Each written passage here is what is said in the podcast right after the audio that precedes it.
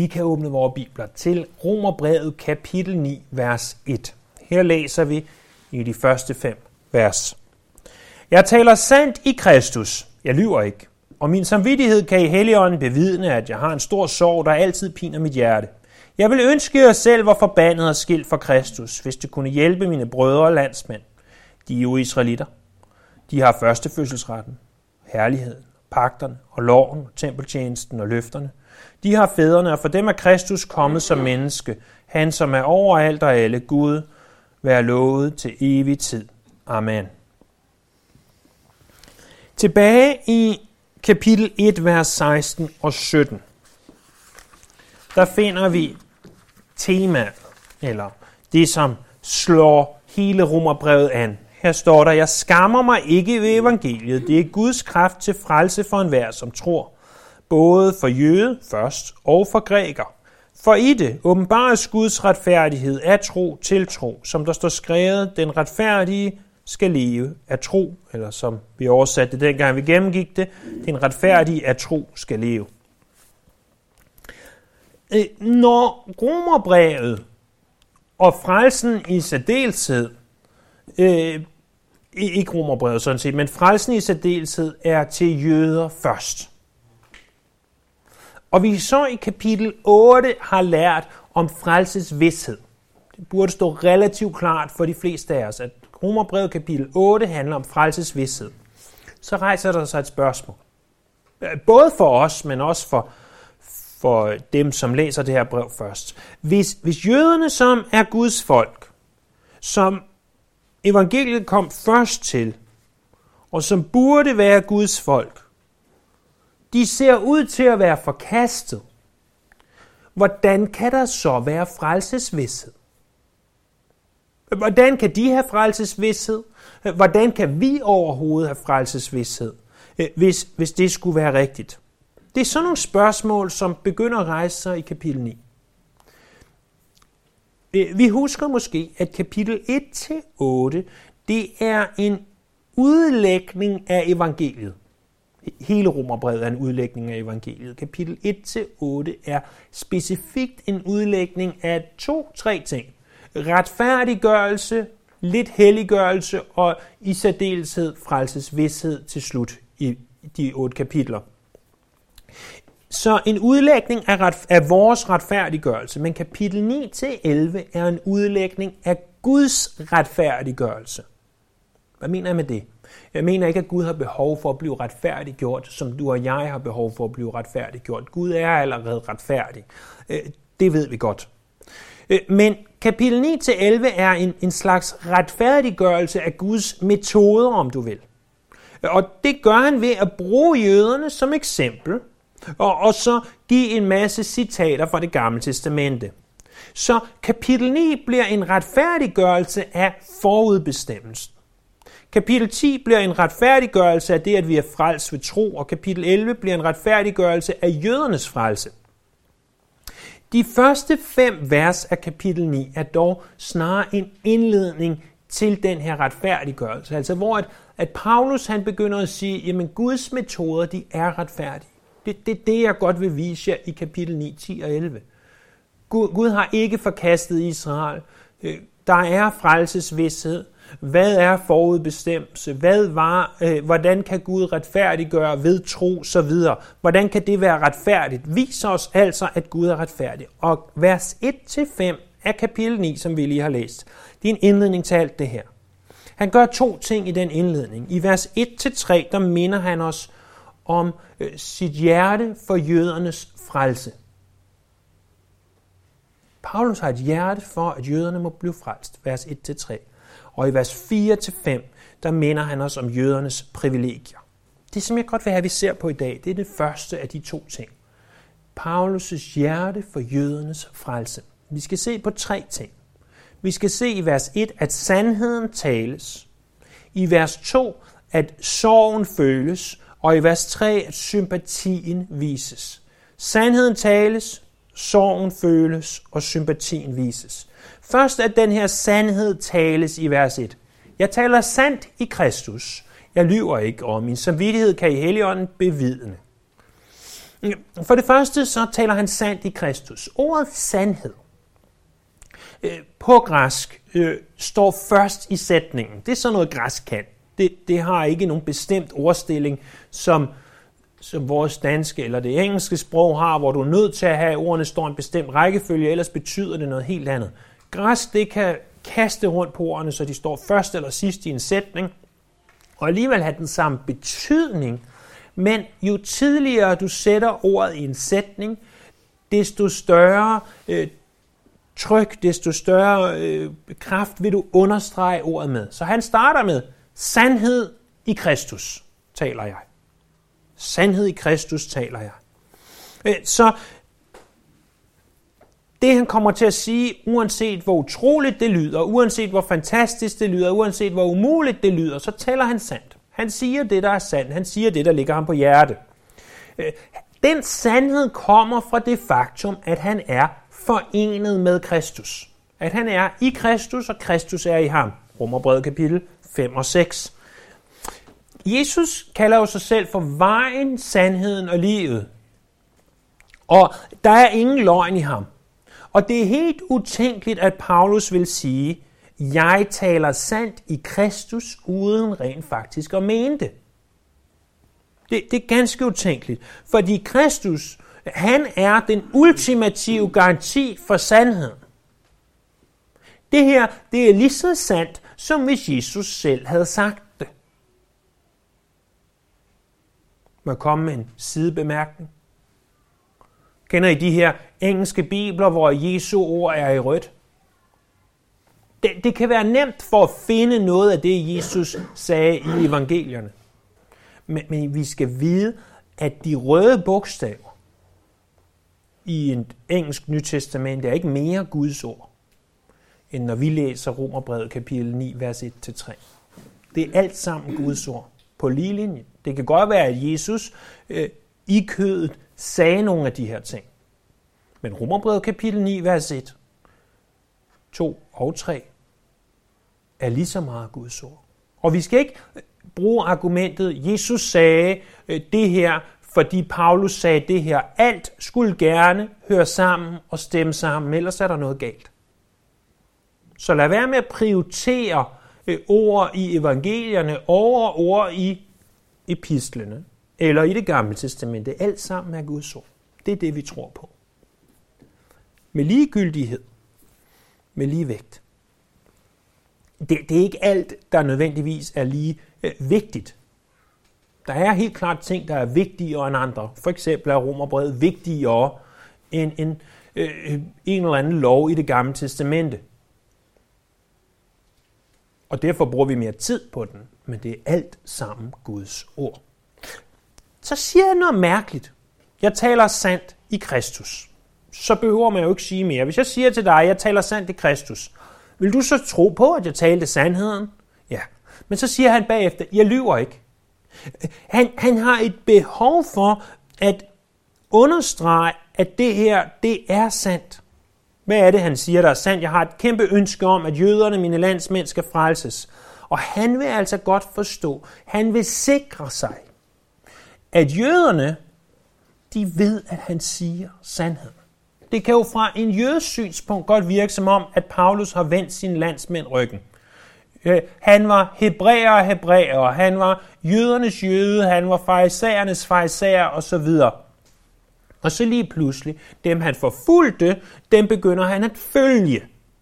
Og i det han begynder at følge dem, så siger han, Jesus er vores Messias. Ikke bare Jesus er vores Messias, Jesus er Gud. Og i det han siger, at Jesus er Gud, så begynder han på noget, som jøderne vil anse for afguds dyrkelse. Øh, og, og derudover så siger han, jeg er ikke alene kaldet til jøderne, jeg er også kaldet til vores værste fjender, nemlig hedningerne. Og så rejser han ud til hedningeland og fortæller hedningerne, at de kan være arvinger til det evige liv. Så hvis du sidder som jøde og ser på Paulus, så vil du sige, at han har vendt vort folk ryggen. Men Paulus siger, nej, det har jeg ikke. Jeg lyver ikke. Jeg taler sandheden. Jeg siger det, der er sandt. Men ikke nok med det. Han kommer med et tredje argument. Jeg taler sandt i Kristus, det første. Jeg lyver ikke det andet. Og det tredje, min samvittighed, kan i Helligånden bevidne. Det burde jo være totalt overflødigt at begynde at tale om sin egen samvittighed. Øh, men han siger, øh, min samvittighed, eller måske endnu bedre, måske lidt mere klodset oversat, men endnu bedre oversat, min samvittighed kan i Helligånden bevidne til mig. Så, så han ved, at det her er rigtigt. Samvittigheden, det er jo den her gudgivende alarmklokke, som alle mennesker i princippet har. Nogle de har brændemærket den så meget og ødelagt den så meget, så de aldrig lader sig lede af deres samvittighed. Men for den kristne, der har samvittigheden en dobbelt effekt. Det er ikke bare en alarmklokke, det er en alarmklokke, der styres af Helligånden. Og det betyder, at hvis din samvittighed siger nej til noget, så kan du være temmelig sikker på, at du ikke skal gøre det. Fordi så er det både din samvittighed, men din samvittighed styret af Helligånden, der forhindrer dig i at gøre noget, som er dumt, syndigt, forkert osv. Så han siger med andre ord, andre kan mene, hvad de vil om mine motiver. Jeg er sikker på i mit hjerte, at det her det er sandt. I hans samvittighed var der ingen tvivl om, hvordan han havde det. Det leder mig til at stille spørgsmålet, taler du, hvad der er sandt? Det burde jo være totalt overflødigt for Paulus at skrive det her. Hvor, hvorfor skriver han, jeg taler sandt i Kristus, jeg lyver ikke, min samvittighed kan i Helligånden bevidne? Fordi for den kristne er sandheden den eneste mulighed. Vi ved godt, det 9. bud, det tordner imod det, at vi skal bære falsk vidnesbyrd, og i det inkluderes al form for løgn. Vi ved godt, at Satan er løgnens fader. Men hvad med dig? Hvad med mig? Fortæller vi sandheden, når nogen spørger? Eller pakker vi det lidt pænt ind? Fortæller vi en lille hvid løgn? Skjuler du noget for andre? For dine kollegaer? For din familie? For din ægtefælle? Fortæller du sandheden, når du arbejder? Øh, lad os gøre som Paulus og huske, at vi er forenet med Kristus, og at løgn er uforenelig med Kristus. Lad være med at bruge de der argumenter, som jeg godt ved eksisterer om, øh, jo, øh, om øh, jordmøderne i 2. Mosebog, og om Rahab, og øh, om øh, 2. verdenskrig osv. Hvis du frygter for dit liv, og hvis nazisterne står med en pistol over dit hoved, så kan det godt være, at du i det tilfælde skal sige, nej, jeg gemmer ikke nogen jøder i min kælder. Men det er jo ikke det, der er tilfældet. Det er jo bare en undskyldning oftest for os, for at vi kan bruge løgn som et middel. Det er klart, at hvis vores liv er på spil, så kan det da godt være, at der er tilfælde, hvor at det kan være nødvendigt at sige det, man tydeligt vil kalde en løgn. Men, men det er slet ikke det, jeg snakker om her. Jeg, jeg snakker om i vores dagligdag, i vores dag-til-dag liv, som vi lever i vores lille sikre Danmark. Lad være med at bruge en undskyldning. Og du ved godt, hvad en undskyldning er. Vi er i Kristus. Kristus er i os. Ydermere Helligånden bor i os. Løgn hører ikke til hos os. Sandheden hører til hos os. Og det er det, Paulus siger. Jeg er en mand, der taler sandheden. Jeg kommer til jer med noget, der er sandt. Det kan godt være, at det lyder utroligt, men det er sandt. Det leder os til den anden ting, som vi ser i vers 2. Det er, at sorgen føles. Sandheden tales, sorgen føles. Det, det er en stor sorg. Prøv at høre, hvad der står. Jeg har en stor sorg, der altid piner mit hjerte. Øh, det græske ord for sorg er noget i retning af en følelsesmæssig sorg eller smerte. Øh, interessant nok, i den græske oversættelse af det hebraiske, den hebraiske bibel, der bruges det her ord om en del af syndefaldet. At, at syndefaldet ville bære sorg med sig. Og er det ikke det, Paulus han taler om her? At jeg har en sorg over, at mennesker lever under syndefaldets forbandelse. Det er ikke bare en stor sorg, det er også en stor pine. Faktisk øh, kunne vi sige, det er en uophørlig pine. Det piner mig altid, det piner mig altid, siger Paulus. En konstant nagen i hans hjerte. Og hvad er det, der nærer ham? At størstedelen af hans landsmænd ikke kender Jesus. Øh, vi ser også der ganske personligt. Prøv at se en gang. Jeg ville ønske, øh, nej, jeg har en stor sorg, vers 2, der altid piner mit hjerte. Jeg og mit. Og, og flere gange i de her tre vers. Jeg, mit, mig, jit, jeg, mit, mig. Det går igen. Han siger, det er personligt for mig det her. Det er noget, jeg mærker i mit hjerte. Det er ikke noget, jeg læser om i en bog. Øh, det, det er ikke noget, jeg hører om på en konference og siger, ja, yeah, halleluja, amen. Det er noget, jeg mærker i mit hjerte. Og må jeg stille dig et spørgsmål. Hvad er det, der piner dit hjerte? Hvad piner og plager dig? Er det mælkepriserne? Er det regeringen? Eller er det sommerværet? Er det de ting, der piner dit hjerte? Det, der plagede Paulus, var, at han så realiteten af, at langt, langt størstedelen af hans landsmænd, de dinglede over helvedes afgrund. De stod med det ene ben i helvedes forgård. På vej til evig fortabelse. Han vidste godt, hvad realiteten var. Han vidste godt, hvad det ville sige at være adskilt fra Kristus. Han vidste godt, at gik de fortabt, og døde de uden Kristus, så var de evigt fortabt. Han havde et brændende ønske om, at mennesker ikke måtte brænde op i helvede. Men i stedet leve med Gud i himlen. Det var det, der pinte og plagede ham. Og jeg spekulerer på, hvor meget vi i vores lille velstands Danmark, med alting, hvad vi har gående for os, og alting, der går så godt for os, hvor meget vi tænker over, at vores landsmænd, danskerne, dingler over helvedes afgrund. Jeg tror, hvis jeg virkelig så realiteten af det her, hvis jeg virkelig forstod sandheden af det her, så tror jeg, det vil ændre mit liv. Og jeg tror det samme for dig. Det leder mig til den tredje og sidste ting, som vi skal se på. Det er, at sympatien vises. Jeg ville ønske, siger han, jeg selv var forbandet og skilt fra Kristus, hvis det kunne hjælpe mine brødre og landsmænd. Paulus kommer med et umuligt ønske. Han, så brændende ønsker sig det her, at han ønsker sig det umulige. Jeg ville ønske, siger han, jeg vil ønske det, men jeg ved godt, det ikke kan lade sig gøre. Han, han vil gerne med en slags overdrivelse vise, hvor dybt det her stikker. Hvad er det, han gerne vil vise? Jeg vil gerne vise, at jeg var forbandet og skilt fra Kristus. Det leder os tilbage til en af de mest tragiske beretninger i Bibelen, nemlig 2. Mosebog kapitel 32. I 2. Mosebog kapitel 32, som jo er hen imod slutningen af 2. Mosebog, der har vi set, at Moses har været op på bjerget. Han har modtaget de 10 bud. Han har hørt en del forskellige love. Han har hørt om tabernaklet, om tempeltjenesten osv. Han er deroppe, og bjerget er omgivet af ild og røg.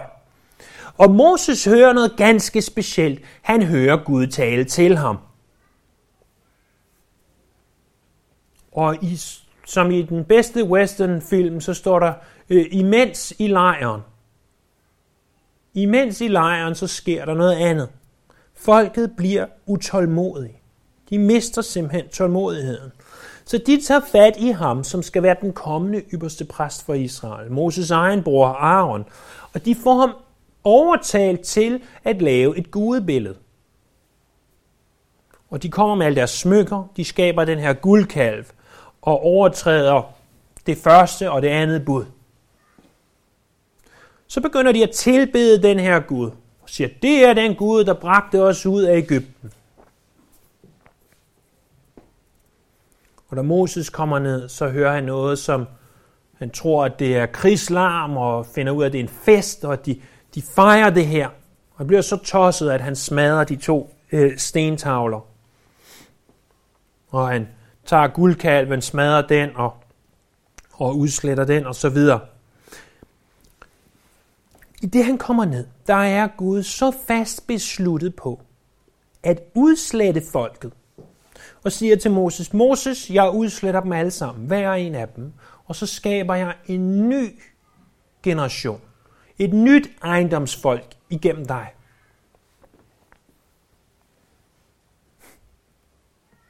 Og så siger Moses, han går, han går simpelthen i forbøn for de her hedninge. De her Guds bespotter. Han går i forbøn for dem og siger i 32, 32, Gid du dog vil tilgive dem deres synd. Men hvis ikke, så slet mig af den bog, du fører. Moses var villig til at blive slettet af Guds bog, hvis det kunne redde folket. Paulus er villig til at blive slettet af Guds bog, hvis det kunne redde folket. Paulus siger, jeg ville ønske, at jeg selv var forbandet. Det ord forbandet er et ord, du måske har hørt før. Det er ordet anathema. Anathema betyder øh, noget, som er forbandet, noget, som er tilsidesat til Guds forbandelse. Siger, lad mig være forbandet og skilt for Kristus, hvis det kan hjælpe mine landsmænd. Det er ganske store ord fra en mand, der lige har brugt 39 vers i kapitel 8 på at hamre ind i vores hoveder, at intet kan adskille os fra Guds kærlighed, som er i Kristus Jesus, var her. Ikke engang os selv. Paulus ved godt, det ikke er muligt at blive adskilt fra Kristus, så det kunne redde nogen som helst. Han siger alligevel, havde det været muligt, så havde jeg gjort det for min landsmænd. Så havde jeg gjort det.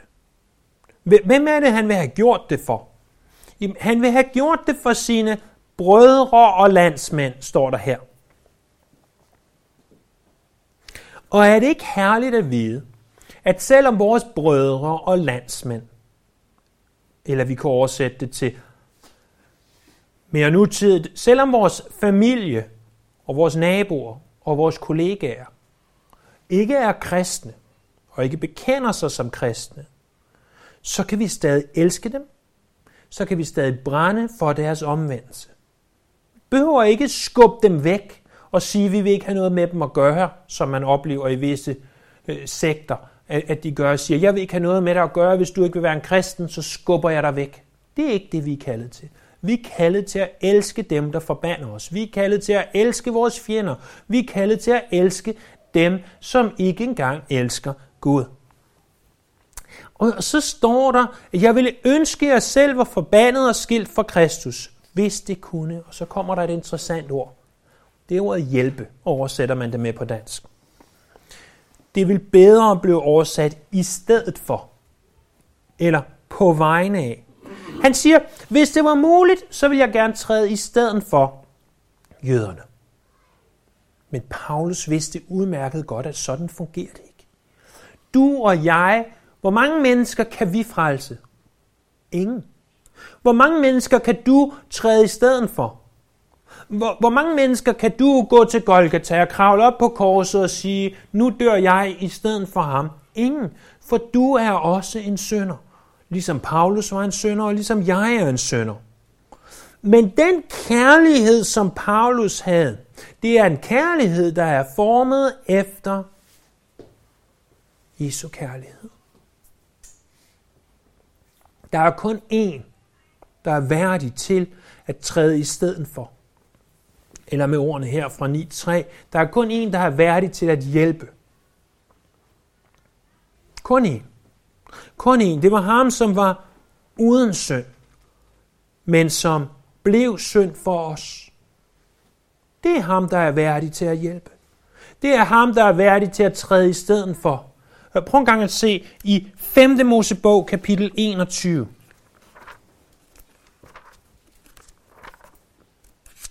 Det er ikke et ukendt vers for os, men, men alligevel. Prøv at se det der. 5. Mosebog, kapitel 21, vers 22. Så 5. Mosebog 21, 22, 23. Kapitel 21, vers 22 og 23. Hvis en mand findes skyldig til døden, og bliver henrettet, og du hænger ham på et træ, må livet ikke hænge på træet natten over, men du skal begrave det samme dag, for den, der er hængt på et træ, er Guds forbandelse. Og du må ikke gøre det land urent, som Herren din Gud vil give dig i ej. Han blev Guds forbandelse på det træ. Han blev anathema, for at vi ikke skal blive anathema. Han blev til Guds forbandelse den, den dag, for at vi kan modtage det evige liv. Paulus var ikke en kold akademiker, som man siger på engelsk i hvert fald i et elfenbens tårn. Det, var han ikke. Han, han skriver til os ganske dyb teologi. Øh, ganske knudrede, svært forståelige breve, det synes Peter i hvert fald. Men hvis der er én ting, Paulus ikke var, så var det en kold akademiker. Paulus havde et brændende hjerte for sine landsmænd. Han sagde, hvis det kunne have hjulpet, så var jeg villig til at få mit navn slettet fra Guds bog, så du var plads til et andet navn.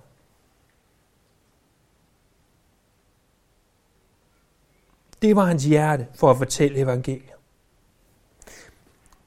I konklusion, så må vi stille os selv det her temmelig skarpe spørgsmål. Hvor langt er du villig til at gå for din ufrelste familie, for din ufrelste søskende, for din ufrelste naboer, for din ufrelste landsmænd? Og det er sandt, at du og jeg kan ikke give afkald på vores frelse. Det kan ganske simpelt ikke lade sig gøre. At du kan godt give afkald på 10 minutter, hvor du fortæller dem evangeliet eller give afkald på en time, hvor du hjælper dem med noget, for at vise dem Kristi kærlighed. Er du og jeg villige til at give afkald på vores ret,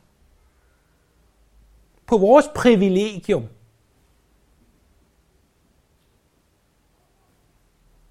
for at de må høre evangeliet? Og jeg taler langt fra kun til dig. Jeg taler mindst lige så meget til mig selv. Prøv at høre, jeg ved alt det her.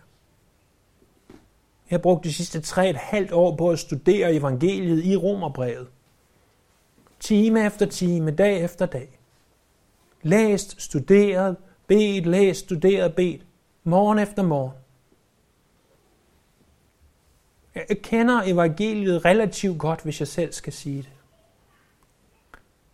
Og vi skal ikke forsøge at sælge evangeliet, vi skal selvfølgelig naturligvis forsøge at forklare det. Men hvis der er én ting, jeg kan sælge, har jeg fundet ud af, så er det robotplæneklipper. Hvis snakken falder på robotplæneklipper, så kan jeg fortælle, ikke bare i to minutter, men i 10 minutter. Jeg kan forklare dem, hvor fantastisk det er, den dag jeg fik en robotplæneklipper hvor meget tid det har sparet mig for, at jeg slipper for at køre på omlasteren med det klippede græs. At den bare klar arbejdet for mig, mens jeg ligger på en liggestol og hører dens sagte summe. Det, det er jeg god til. Det kan jeg sagtens stoppe op og bruge tiden på. Det er ikke noget problem for mig. Og det mest mærkværdige er, at så meget brænder jeg ikke engang for robotplæneklipper. Og så godt fungerer de faktisk ikke. Som min nabo siger, der også har en robotplæneklipper. Ikke ved, kun ved min tiltale, men også derfor. Han siger, at jeg har sådan et kadherlighedsforhold til den. For så kører den og slår græsset, og så sætter den sig fast. Og det gør de. Og så fantastiske det er de ikke engang. Men hvad med evangeliet? Det er fantastisk. Det kan tage et menneske, der lever i synd, det kan tage et menneske, som er fortabt, og som med Edvards ord hænger og dingler over helvedes afgrund, og tage dem derfra, og frelse dem fra det dybeste mudder, og, og sætte dem på klippefast grund. Det er værd at fortælle om. Det er værd at forkynde. Det er værd at bruge 10 minutter af sin tid på. Det er, sagt i overført betydning, værd at forsøge at sælge folk uden det ord må misforstås. Det, det er jo det, jeg siger, jeg brænder for. Jeg siger, jeg brænder for evangeliet. Men hvor ofte, når snakken falder på noget, tager jeg to minutter, fem minutter, ti minutter og siger, prøv at høre, du er en sønder, og du behøver en frelser.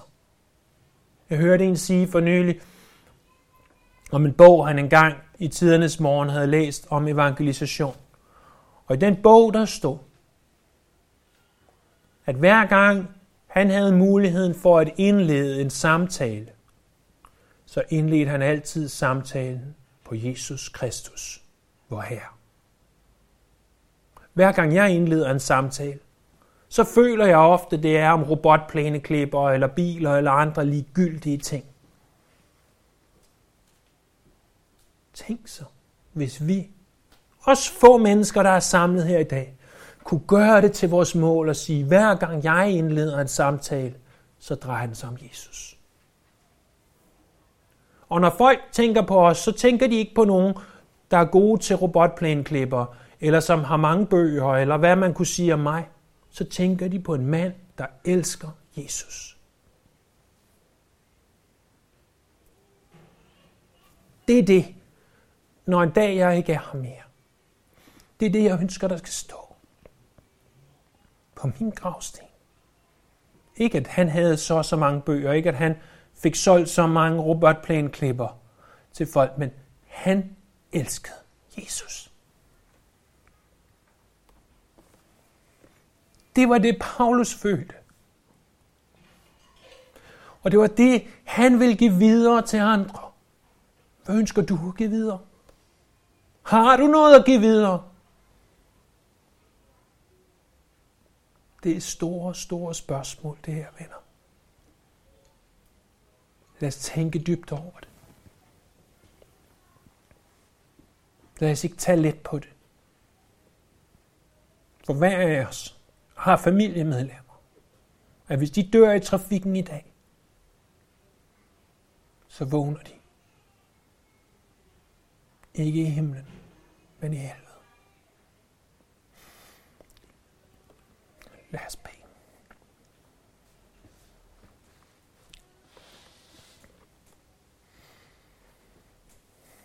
Og her, vi beder for vores naboer. Vi beder for vores familiemedlemmer.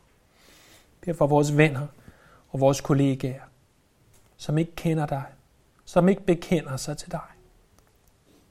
Må vi være et vidnesbyrd for dem. Må vi åbne vores mund, så de ved, at du er vejen, du er sandheden, du er livet, og ingen kommer til faderen uden ved dig. Giv os et brændende hjerte for at forkynde dit evangelium. Det er til din ære og til din pris, at vi beder. Amen.